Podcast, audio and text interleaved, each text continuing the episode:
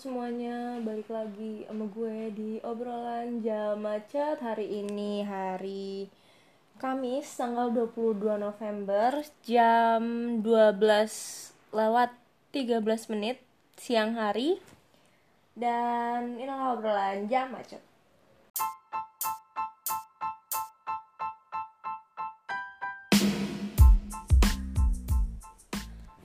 Oke, em, hari ini gue mau ngomongin soal wish atau harapan. Em, karena gue tadi ngeliat kalender dan mau meriksa jadwal sih sebenarnya jadwal kegiatan gue minggu ini karena udah mau habis dan minggu depan apa aja. Dan pas gue lihat tanggal itu gue agak kaget sih maksudnya sekarang udah tanggal 22 November aja. Udah mau masuk akhir-akhir November dan um, bulan depan itu Desember tinggal satu bulan lagi menuju tahun 2019 uh, jujur ngerasanya kayak cepet banget sih karena kayaknya baru kemarin banget kita masuk di tahun 2018 baru kemarin banget kayaknya kita salah nulis tahun dari 2017 ke 2018 dan sekarang kita udah mau masuk di akhir tahun ya yang pasti mulai banyak dari kita yang kalau misalnya punya resolusi atau wish kalau gue sih lebih suka ngomongnya sih harapan atau wish ya daripada resolusi uh, mungkin bagi beberapa orang yang punya kebiasaan untuk apa ya memanjatkan harapan atau goals ke depannya selama setahun penuh itu apa mungkin akan mulai ngeliat ke belakang lagi uh, di listnya apa aja yang udah selesai gue lakukan apa aja goals gue yang udah tercapai apa apa aja yang masih ongoing dan apa aja yang mungkin sama sekali belum tersentuh dan bahkan belum ter uh, dikerjakan sama sekali dan mungkin itu akan jadi uh, priority mungkin di tahun 2019 nantinya. Dan ngomong-ngomong soal harapan atau wish itu kan mungkin adalah apa ya permintaan orang ya akan sesuatu yang diharapkan, diinginkan atau dibutuhkan. Uh, pada beberapa kesempatan. Mungkin yang buat yang kita kenal juga sih uh, wish ya itu kayak misalnya apa ya birthday wish, uh, apalagi New Year wish. Dan ada juga paling yang mungkin kayak harapan yang sebelum kita pergi atau kita meninggal gitu. Itu ada mungkin beberapa. Nah kalau misalnya dari uh, kita masuk yang pertama dulu deh. Uh, birthday wish kali ya. Kalau dari birthday wish sendiri atau harapan di saat kita memanjatkan kayaknya pada saat seorang berulang tahun pasti momen memanjatkan uh, harapan atau doa sebelum tiup lilin tuh kayaknya itu udah jadi sesuatu hal yang lumrah banget kali. Dan mungkin banyak dari kita yang berharap kalau misalnya uh, pada saat berulang tahunnya pasti standar lah. Ingin dilancarkan segala urusan terus dipanjangkan umur. Uh, apa lagi ya? Diberikan keberkahan pada setiap harinya mungkin. Dan gue ngerasa kayak semakin bertambahnya umur gue ngerasa kayak uh, harapan gue itu semakin simple gitu. Jadi kayak waktu pas SMP SMA gue pasti ngarepnya kalau misalnya udah ulang tahun tuh gue banyak banget harapnya tuh kayak uh, gue pengen banget uh, dapet ini gue pengen banget dapet itu atau gue pengen banget uh, punya banyak teman gue pengen banget uh, berhubungan dengan orang-orang secara baik. Dan pokoknya intinya lebih ke menambah pertemanan kalau misalnya waktu SMP SMA mulai ke kuliah dan sekarang sekarang itu udah kayak uh, disuruh ya udah make a wish. Paling kayak ya gue berharapnya hanya dijauhkan dari orang-orang yang toxic. Mungkin dijauhkan dari inner circle yang toxic dijauhkan juga dari hubungan yang toxic dengan orang-orang.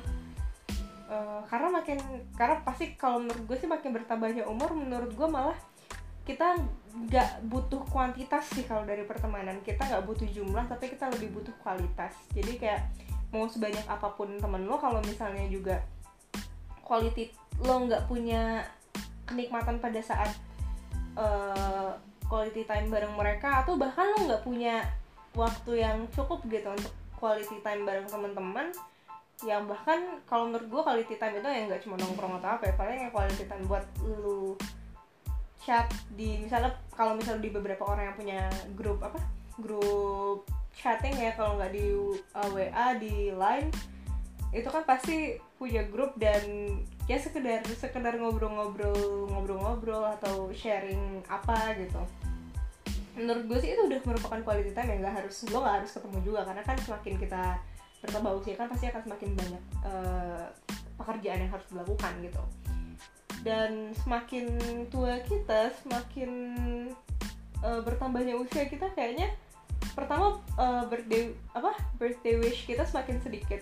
Harapan pada saat memanjatkan memanjatkan harapan pada saat ulang tahun itu kayak semakin sedikit. Ya kita cuma butuh ya udahlah diberikan aja keberkahan dengan orang-orang sekitar. Kalau gue kalau gue pribadi malah lebih gitu aja sih diberikan keberkahan dekat orang-orang sekitar dan ya udah cukup dijauhkan dari orang-orang yang toxic. Karena ya itu tadi makin bertambahnya usia kita kalau gue malah menyadarinya dan teman-teman gue juga pun kayak gitu. Mereka rasanya kayak semakin tua kita sekarang semakin bertambahnya usia justru kita nggak membutuhkan yang namanya kuantitas gitu ya jumlah dari berapa banyak orang yang menjadi teman kita itu kayaknya itu bukan sesuatu yang yang krusial lagi gitu. Nggak kayak waktu zaman uh, masih sekolah mungkin ya. Waktu masih sekolah mungkin itu kita ngerasa kayak semakin banyak teman ya itu adalah sesuatu yang semakin bagus dan semakin terpandanglah kita gitu mungkin ya. Kalau gue ngerasanya kayak gitu dulu uh, waktu pas sekolah. Jadi kayak kalau sekarang ya cukup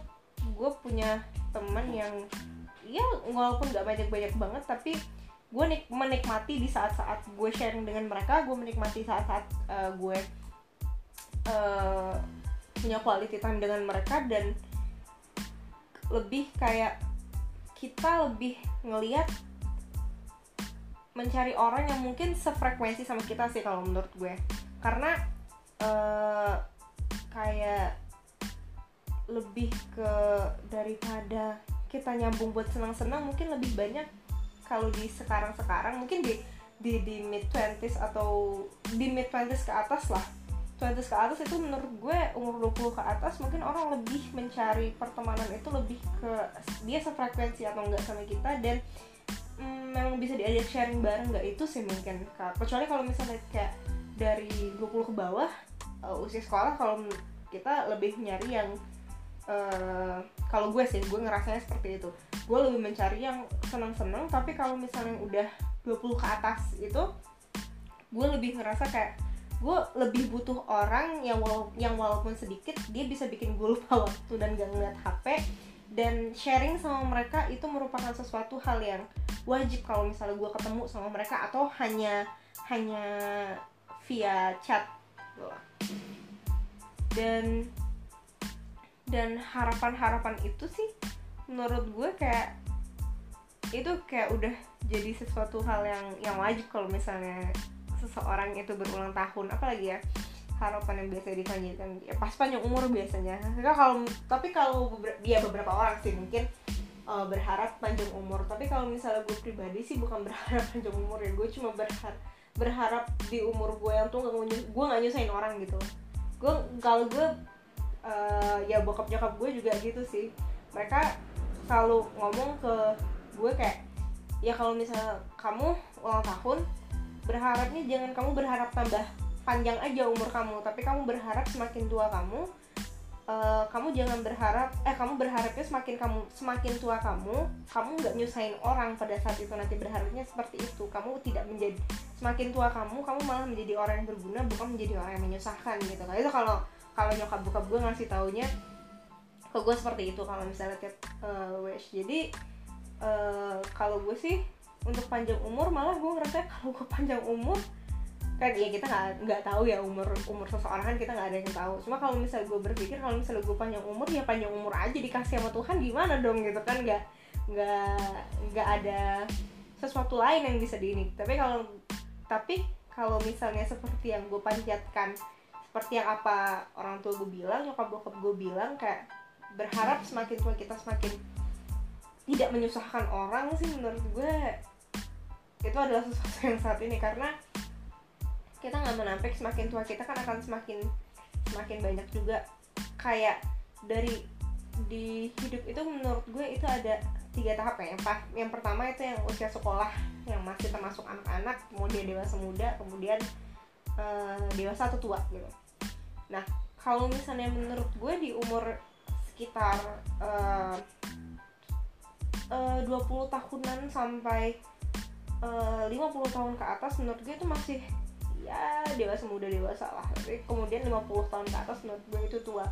Nah uh, di saat kita meninggalkan umur kita bertransisi dari umur dewas dari jenjang dewasa ke tua menurut gue uh, kita akan kembali lagi ke stage di mana kita seperti anak kecil kan. Akan akan kita akan apa ya kita butuh banyak orang untuk menangani kita menurut gue. Karena ya pertama juga kondisi kesehatan pasti seseorang akan menurun di umur-umur yang seperti itu kan. Mulai banyak penyakit degeneratif dan yang lain-lain gitu. Dan kalau misalnya uh, ada beberapa orang yang mungkin merasa umur seperti itu ya buat gue pun ya. Kalaupun nanti misalnya gue ya mudah-mudahan gue sampai di umur di umur segitu gue ngerasanya gue nggak mau menjadi beban gitu loh. Jadi dengan bertambahnya umur gue ya tetap walaupun gue pasti butuh bantuan dari orang lain tapi setidaknya gue tidak menyusahkan. Itu sih kalau gue. Birthday wishnya pasti disuruh sama nyokap bokap itu kamu jangan pernah meminta untuk dipanjangkan umur aja gitu. Tapi kamu harus meminta uh, umur kamu panjang dan semakin panjang umur kamu kamu juga meminta untuk tidak tidak membuat orang lain susah gitu jadi jadi semakin panjang umur kamu kamu juga semakin berguna buat orang lain gitu loh.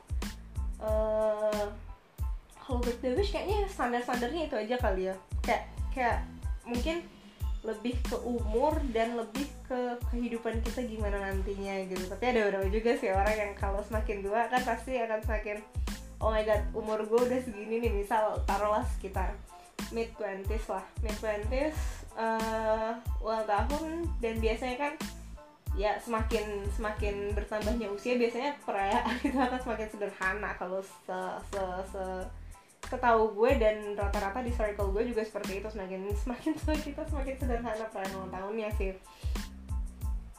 Uh, dan kebanyakan dari kita pasti berharapnya kayak selain umur um, kebaikan di kegiatan-kegiatan apa lagi ya?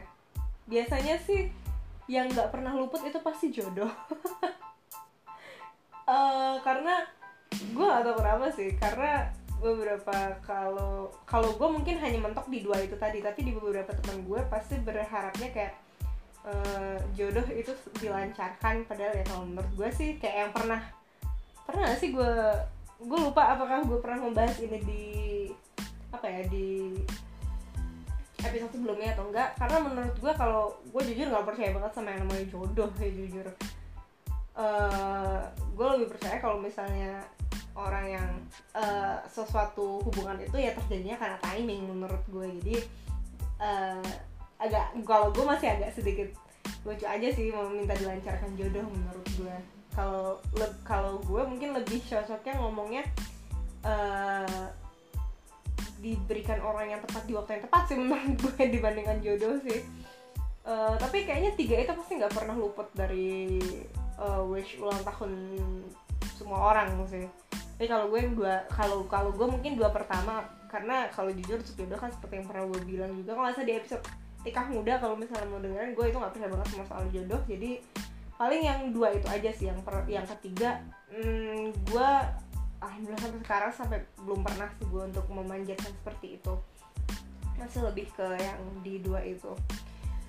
Uh, selain birthday wish macam-macam harapan yang biasanya kita panjatkan itu ngomong-ngomong juga kita sekarang juga udah di akhir tahun ya kayak yang pertama gue omongin di awal tadi kita udah masuk akhir tahun pasti udah mulai nih orang-orang yang punya harapan kan pasti uh, punya resolusi kalau orang ngomongin tapi kalau gue gak suka ngomong resolusi gue lebih suka ngomongnya harapan atau wish.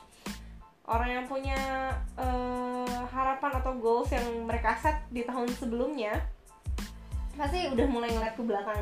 Udah mulai ngeliat ke belakang soal apa aja yang harus gue lakukan dan pasti udah ngeliat misalnya kita punya list kan pasti udah ngeliat nih listnya ini apa aja nih yang udah selesai sama gue apa aja yang lagi ongoing sama gue proses progresnya gimana? Dan apa aja yang bahkan belum tersentuh sama gue sama sekali gitu. Dan mungkin yang belum tersentuh yang ongoing dan yang belum tersentuh mungkin yang ongoing sih akan tetap dijalankan. Yang belum tersentuh mungkin aja akan jadi priority untuk tahun ke depannya dan kalau gue pribadi sih karena gue nggak terlalu suka muluk-muluk anaknya mungkin apa ya? Gue bahkan bukan tipe anak yang kalau misalnya punya resolusi juga nggak terlalu banyak sih paling lebih ke gue setiap uh, mau tahun baru sih gue nggak nggak terlalu punya tradisi terlalu banyak ya untuk bikin-bikin resolusi. Tapi yang pasti gue lebih ke berusaha ngelis apa ya weakness gue sih. Ngelis weakness yang harus gue ubah. Dan satu weakness yang paling susah gue rubah udah dari zaman bahla dulu. Kayaknya yang selalu terus masuk ke dalam list perubahan itu adalah sikap temperamental gue itu. Yang enggak uh, sikap yang gak sabaran dan kalau misalnya udah nggak sabaran itu pasti akan mudah untuk marah. Nah itu gue masih masih terus masuk dalam uh, pilihan top itu untuk masuk ke dalam list perubahan di tiap tahunnya sih kalau gue. Karena uh, nggak tahu kenapa sikap sikap temperamental dan gak sabaran gue itu tuh emang bener-bener kalau sebenarnya sih kalau misalnya ya kita kan nggak ngerasa ya karena kita ngerasa nggak ngegang karena itu udah dari dari dulu. Tapi gue takut aja sih orang nggak nyaman gitu untuk berinteraksi dengan gue karena sikapnya terlalu terlalu menggebu-gebu kalau misalnya ada sesuatu yang tidak terselesaikan. Dan kalau misalnya gue have something that didn't go as planned biasanya gue akan sangat-sangat pertama gue pasti akan sangat irritable banget sangat mudah marah dan biasanya langsung malu menumpahkan amarah gue itu kepada orang-orang yang mungkin berkaitan dengan dengan dengan situasi itu gitu nah itu yang pengen banget gue rubah. Dan yang kedua paling gue berharapnya juga selalu yang pasti selalu masuk dalam harapan tiap tahun itu di sebenarnya kalau ngomong dijauhkan sih nggak bisa juga ya karena hmm, hal kayak gini akan terus ada sih di di mana pun kita dan dalam waktu seperti apa pun juga. Gue cuma berharapnya sih uh, interaksi gue dibatasi seminimal mungkin sama orang-orang yang toxic dan gue berharap gue tidak tidak bertemu terlalu banyak sih dengan orang-orang yang toxic dan tidak berada di dalam lingkup pergaulan yang toxic menurut gue. Karena uh, gue kalau misalnya menurut pendapat gue ya berada di lingkungan di lingkungan yang toxic dan berada bersama orang-orang atau inner circle yang salah satunya aja deh. Ada yang toxic buat kita menurut gue itu akan memberikan dampak kemungkinannya akan dua gitu. Ya pertama uh, lu akan depres dengan keadaan lu karena apa ya karena si orang yang toxic ini akan mulai secara tidak langsung ya secara tidak langsung tidak sadar dia akan mempengaruhi uh, kita dan akhirnya lo feel depressed aja karena ngelihat di apa yang ada di diri kita di diri kita itu seakan ya udah ini kayaknya salah aja semua gitu. Atau sorry ya gue gue lagi full makanya sekarang ini gue lagi ada di gue lagi nggak ini lagi nggak mas lagi baru selesai beraktivitas jadi gue ngerekamnya aja lagi di lagi duduk-duduk. Dan uh, menurut gue selain lu feel depressed itu adalah pilihan pertama. Lu feel depressed about yourself about your life. Karena secara tidak langsung akan terdampak sama orang yang toxic terhadap lo itu. Atau yang kedua lu akan ikutan menjadi toxic bagi orang-orang di sekitar lu kalau menurut gue sih itu hanya hanya akan ada dua gitu loh. Pilihannya lu lu um, jadi toxic atau ulunya yang jadi depres gitu. Nah makanya gue berharap makanya gue berharap uh, se seminimal mungkin interaksi gue mudah-mudahan dibatasi jadi tidak bertemu terlalu banyak dengan orang-orang yang toksik kalau dijauhkan sih nggak bisa juga karena orang-orang yang toksik pergaulan yang toksik itu pasti akan selalu ada segimanapun juga kita mau menjauh sih menurut gue jadi ya lebih baik uh, semoga diminimalisir saja dan semoga uh, sedikit saja diberikan kesempatan untuk bertemu dengan orang-orang seperti itu. Uh, kalau misalnya buat gue sih kayaknya itu aja paling kalau buat diri gue sendiri sih buat diri gue sendiri kayaknya tiap tahun itu akan selalu selalu seperti itu sih. Dan paling selain itu pengen menjadi lebih sehat ya pastilah setiap orang pasti akan uh, berharap menjadi lebih sehat dan tidak sakit-sakitan di tahun berikutnya ya pasti. Itu kalau misalnya untuk diri gue sendiri. Tapi kalau misalnya untuk uh, harapan gue untuk lingkungan gue terutama Indonesia karena gue sempat kita agak nyinggung ke Indonesia nih karena kemarin kan sempat gue punya pernah punya episode soal kebinekaan ya. Jadi gue mungkin punya beberapa wish lah atau harapan buat uh, negeri inilah. Negeri ini anjir. Aduh buat Indonesia ke depannya sih. Karena mau kita nggak bisa menutupi bahwa tahun depan itu adalah tahun politik ya. Tahun depan tahun politik dan kalau menurut gue kita nggak nggak bisa memungkiri bahwa besok mungkin akan lebih panas daripada tahun ini gitu. Uh, dan gue berharapnya sih kita tidak melupakan jati diri kita sebagai bangsa yang bineka. Gue berharapnya bangsa yang bineka dan gue berharapnya Indonesia tetap aman dan damai aja. Tetap aman dan damai, tidak terjadi perpecahan di mana-mana dan tidak terjadi uh, pertengkaran hanya karena perbedaan pandangan, perbedaan pendapat. Karena ya yang berbeda itu yang seperti yang pernah gue bilang berbeda itu yang membuat kita kuat. Jadi jangan hanya karena ada perbedaan terus kita tiba-tiba kerukunan dan kedamaian yang udah ada itu jadi akhirnya rusak kemudian cih kemudian terus apa lagi ya itu itu yang pertama yang kedua gue berharapnya juga uh, mungkin dari dari orang yang ngelihat dari kacamata orang awam sih menurut gue. Gue sangat sangat awam. Tapi gue berharapnya mungkin uh, apa yang udah ada sekarang di kita udah mulai beranjak menjadi lebih cerdas. Ya kita udah mulai beranjak menjadi orang-orang yang mulai peduli akan uh, lingkungan sekitar mulai peduli akan orang lain. Dan gue berharapnya uh, itu akan terus bertahan terutama dengan uh, berbagai kasus. Gue berharapnya sih yang kedua harapan gue semoga penanganan kasus-kasus hukum terutama yang menyangkut untuk sexual harassment. Karena menurut gue sexual harassment di kita itu masih jadi PR banget. Uh, sexual harassment di kita penanganannya itu menurut gue masih jadi uh, PR karena melihat dari beberapa kasus yang sedang terjadi dan lagi diproses sekarang kayak uh, kasus sexual harassment dari uh, mahasiswi yang ada di salah satu kampus ternama kemudian uh, apa ya pidana apa korban yang mengadukan bahwa dia kena sexual harassment malah beliau yang di dipidana. Dan menurut gue itu itu merupakan salah satu PR besar kita untuk untuk ke depannya sih menurut gue nggak hanya dari nggak hanya dari pemerintahan aja yang mungkin yang pasti punya wewenang yang lebih banget untuk merevisi sesuatu yang perlu untuk dirubah gimana caranya sexual harassment ini bisa terselesaikan dengan baik.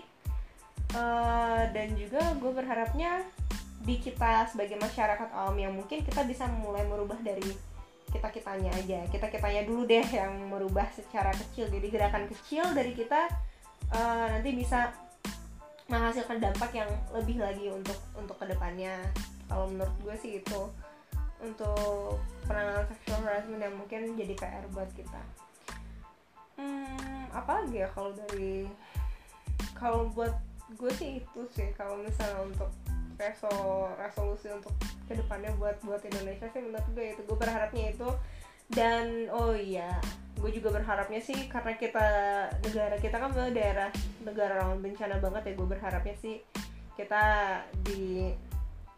dijauhkan dari bencana-bencana kayak kita tahun ini kan lagi berduka banget ya.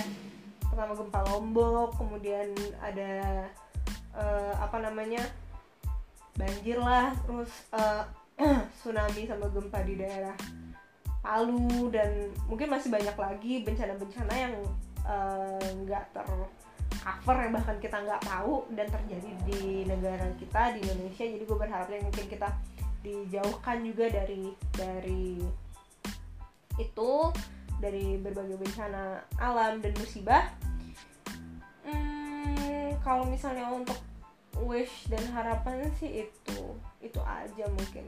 Kalau misalnya buat Indonesia kalau buat diri gue sendiri kan tadi udah ya. Cuma kayaknya mungkin gue akan nambahin satu satu ini aja kali ya. Goals. Tapi eh enggak deh. Udah cukup. Uh, kalau misalnya untuk wish wish kayaknya itu aja kan. Kayak birthday wish terus new year wish terus apa lagi biasanya yang sering itu tapi ini sih kayaknya kalau yang terakhir ini mungkin lebih ke harapan setiap orang kalau menurut gue pasti semua orang itu punya harapan gak sih? Untuk sebelum gue pergi nih sebelum gue meninggal nih pasti gue harus paling nggak ngewujudin ini nih atau enggak paling nggak gue pengen begini nih. Pasti ada ya kayak uh, bucket list like before you die itu lo punya beberapa harapan yang ya mudah-mudahan terwujud gitu. Kayak gue sih hmm, berharapnya kalau untuk wish. Itu yang pertama gue pengen banget uh, backpacking ke daerah Afrika. Gue pengen banget karena uh, gue nggak tahu kenapa uh, kayaknya itu seru. Karena Afrika itu kan udah kayak benua yang gimana ya itu benua yang kita kenal punya keindahan alam yang emang rata-rata itu masih belum terjamah banget kan. Dan gue pengen ngeliat itu karena gue sempat nonton gue sempat ngeliat di YouTube itu ada channel namanya Migrationology nggak salah. Oh ya Migrationology jadi di Migrationology itu uh, nama ininya Mark, Mark Wins uh, gue ngeliat dia selalu kayak traveling ke beberapa ke dia travelingnya around, around the world sih. Kayak ke seluruh belahan dunia. Mulai dari Asia Amerika. Pokoknya seluruh seluruh benua Eropa uh, Afrika Australia dan uh, gue waktu pas ngeliat itu dia selalu punya kayak list playlist gitu di channelnya dan ada playlist soal Afrika di situ dan gue lihat karena gue penasaran dan dia selalu dia itu kayak uh, food lebih ke food blogger juga. Jadi he travel for food kalau dia bilangnya. Jadi pas gue ngeliat itu kayak bayangan yang ada soal Afrika tuh kayak luntur gitu. Karena yang gue tahu dulu Afrika itu sampai sekarang sih sebelum sebelum sebelum gue nonton ya gue ngerasa dulu Afrika itu adalah benua yang uh, pertama uh, I'm sorry if I sound so racist. Uh, yang pertama gue ngerasa itu adalah kayak benua yang sangat negara-negara itu penuh dengan konflik. Yang kedua karena sering digambarkan bahwa uh, poverty atau kemiskinan itu udah jadi bahan utama di sana gue jadi ngerasa kayak wow gila segini banget ya gitu. Ada benua yang se, se, se mengerikan itu. Sampai dari dulu tuh gue berpikirnya seperti itu gitu. Tapi setelah gue lihat uh, dari uh, YouTube itu dari channel YouTube itu gue langsung ngeliat kayak loh ternyata uh, Afrika itu nggak se apa ya nggak se seram yang dibayangkan gitu. Masih banyak mereka banyak juga kota-kota kota-kota indah yang ya mungkin yang kita tahu lu uh, Mesir Maroko kan paling yang kita tahu seperti itu tapi ternyata nggak hanya itu gitu lah yang keren-keren gitu. Di sana ada juga kayak kalau gue sih jujur pengennya ke backpacking kayak ke Afrika itu kalau nggak ke Kenya ke Rwanda ke Ghana sama Namibia. Dan gue pas ngeliat itu tuh wow ternyata Afrika itu se seindah itu ya gitu. Ternyata mereka jauh beda dengan kita karena gue ngerasanya kayak uh, dulu itu karena apa yang sering digambarkan orang bahwa daerahnya ya ya maaf jika gue waktu waktu itu emang sangat-sangat tidak berpengetahuan sangat-sangatlah bodoh soal geografi dan yang lain-lain. Jadi gue ngerasanya kayak dulu itu Afrika adalah benua yang seram menurut gue gitu loh mengerikan tapi ternyata pas gue lihat wow ternyata indah banget gitu loh. Kayak mulai dari alamnya penduduknya dan yang lain-lain. Dan gue ngerasa kayak I I need to go there gitu loh. Kayak pokoknya sebelum gue pergi at least satu kali gue harus ngeliat yang namanya Afrika itu kayak apa gitu. Uh, terus yang kedua kayak sebelum gue pergi tuh gue pengen banget yang namanya extreme sports ya itu itu kayak udah jadi wish gue banget dari gue SMA kalau kalau extreme sport itu adalah wish gue banget dari gue SMA gue pengen banget nyobain namanya bungee jumping sama uh, skydiving. Kayak lo kebayang gak sih lo turun dari pesawat atau dari terjun dari atas ketinggian berapa ribu kaki dan lo ngerasa apa sih menyatu sama awan atau apalah gitu kan lo terjun bebas terus ya menikmati aja gitu turun dari dari situ. Dan gue ngerasa kayak untuk gue an gue yang sangat sangat penakut ini gue ngerasa kayak waktu pas gue ngeliat itu malah gue nggak ngerasa takut sama sekali gitu. Kayak malah gue kayak punya suatu keinginan banget nih kayaknya sebelum gue pergi gue harus coba banget deh yang namanya skydiving atau bungee jumping gitu. Karena kayaknya bahkan untuk gue yang sangat-sangat penakut pun gue malah punya gitu keinginan untuk itu gitu. Jadi pokoknya akhirnya pas gue berpikir ini kayaknya sebelum gue pergi at least satu kali minimal gue harus coba salah satu itu gitu. Hmm, terus apa lagi ya? Kalau kayaknya itu sih kalau misalnya untuk sesimpel itu kayaknya kalau gue uh,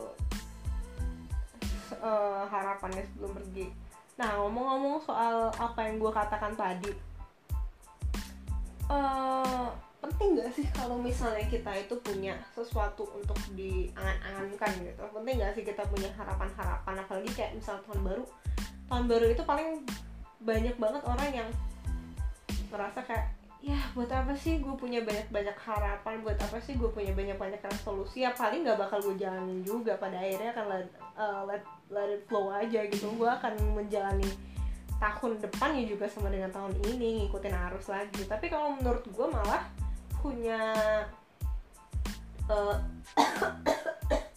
punya sorry.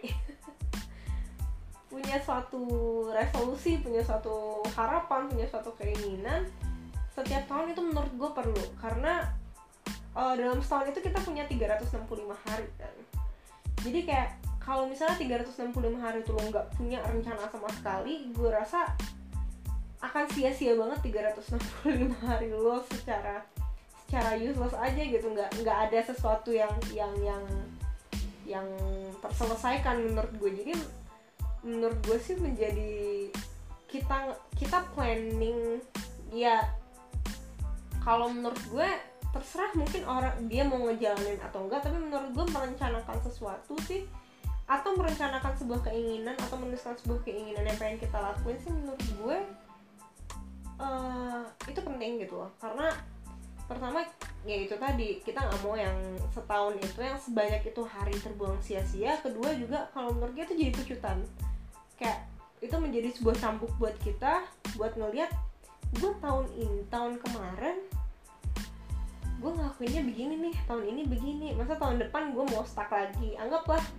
gue berjalan gue berjalan di tahun kemarin itu cuma 20 langkah. Kemudian gue tahun ini ternyata gue menambah satu langkah cuma satu langkah yaitu 21 langkah pada akhirnya gue berjalan kan kalau digabungkan. Atau gue cuma berjalan kalau misalnya kemarin 20 langkah tahun ini gue berjalan 21 langkah. Ya cuma selangkah nambah ternyata dari tahun kemarin gitu kan.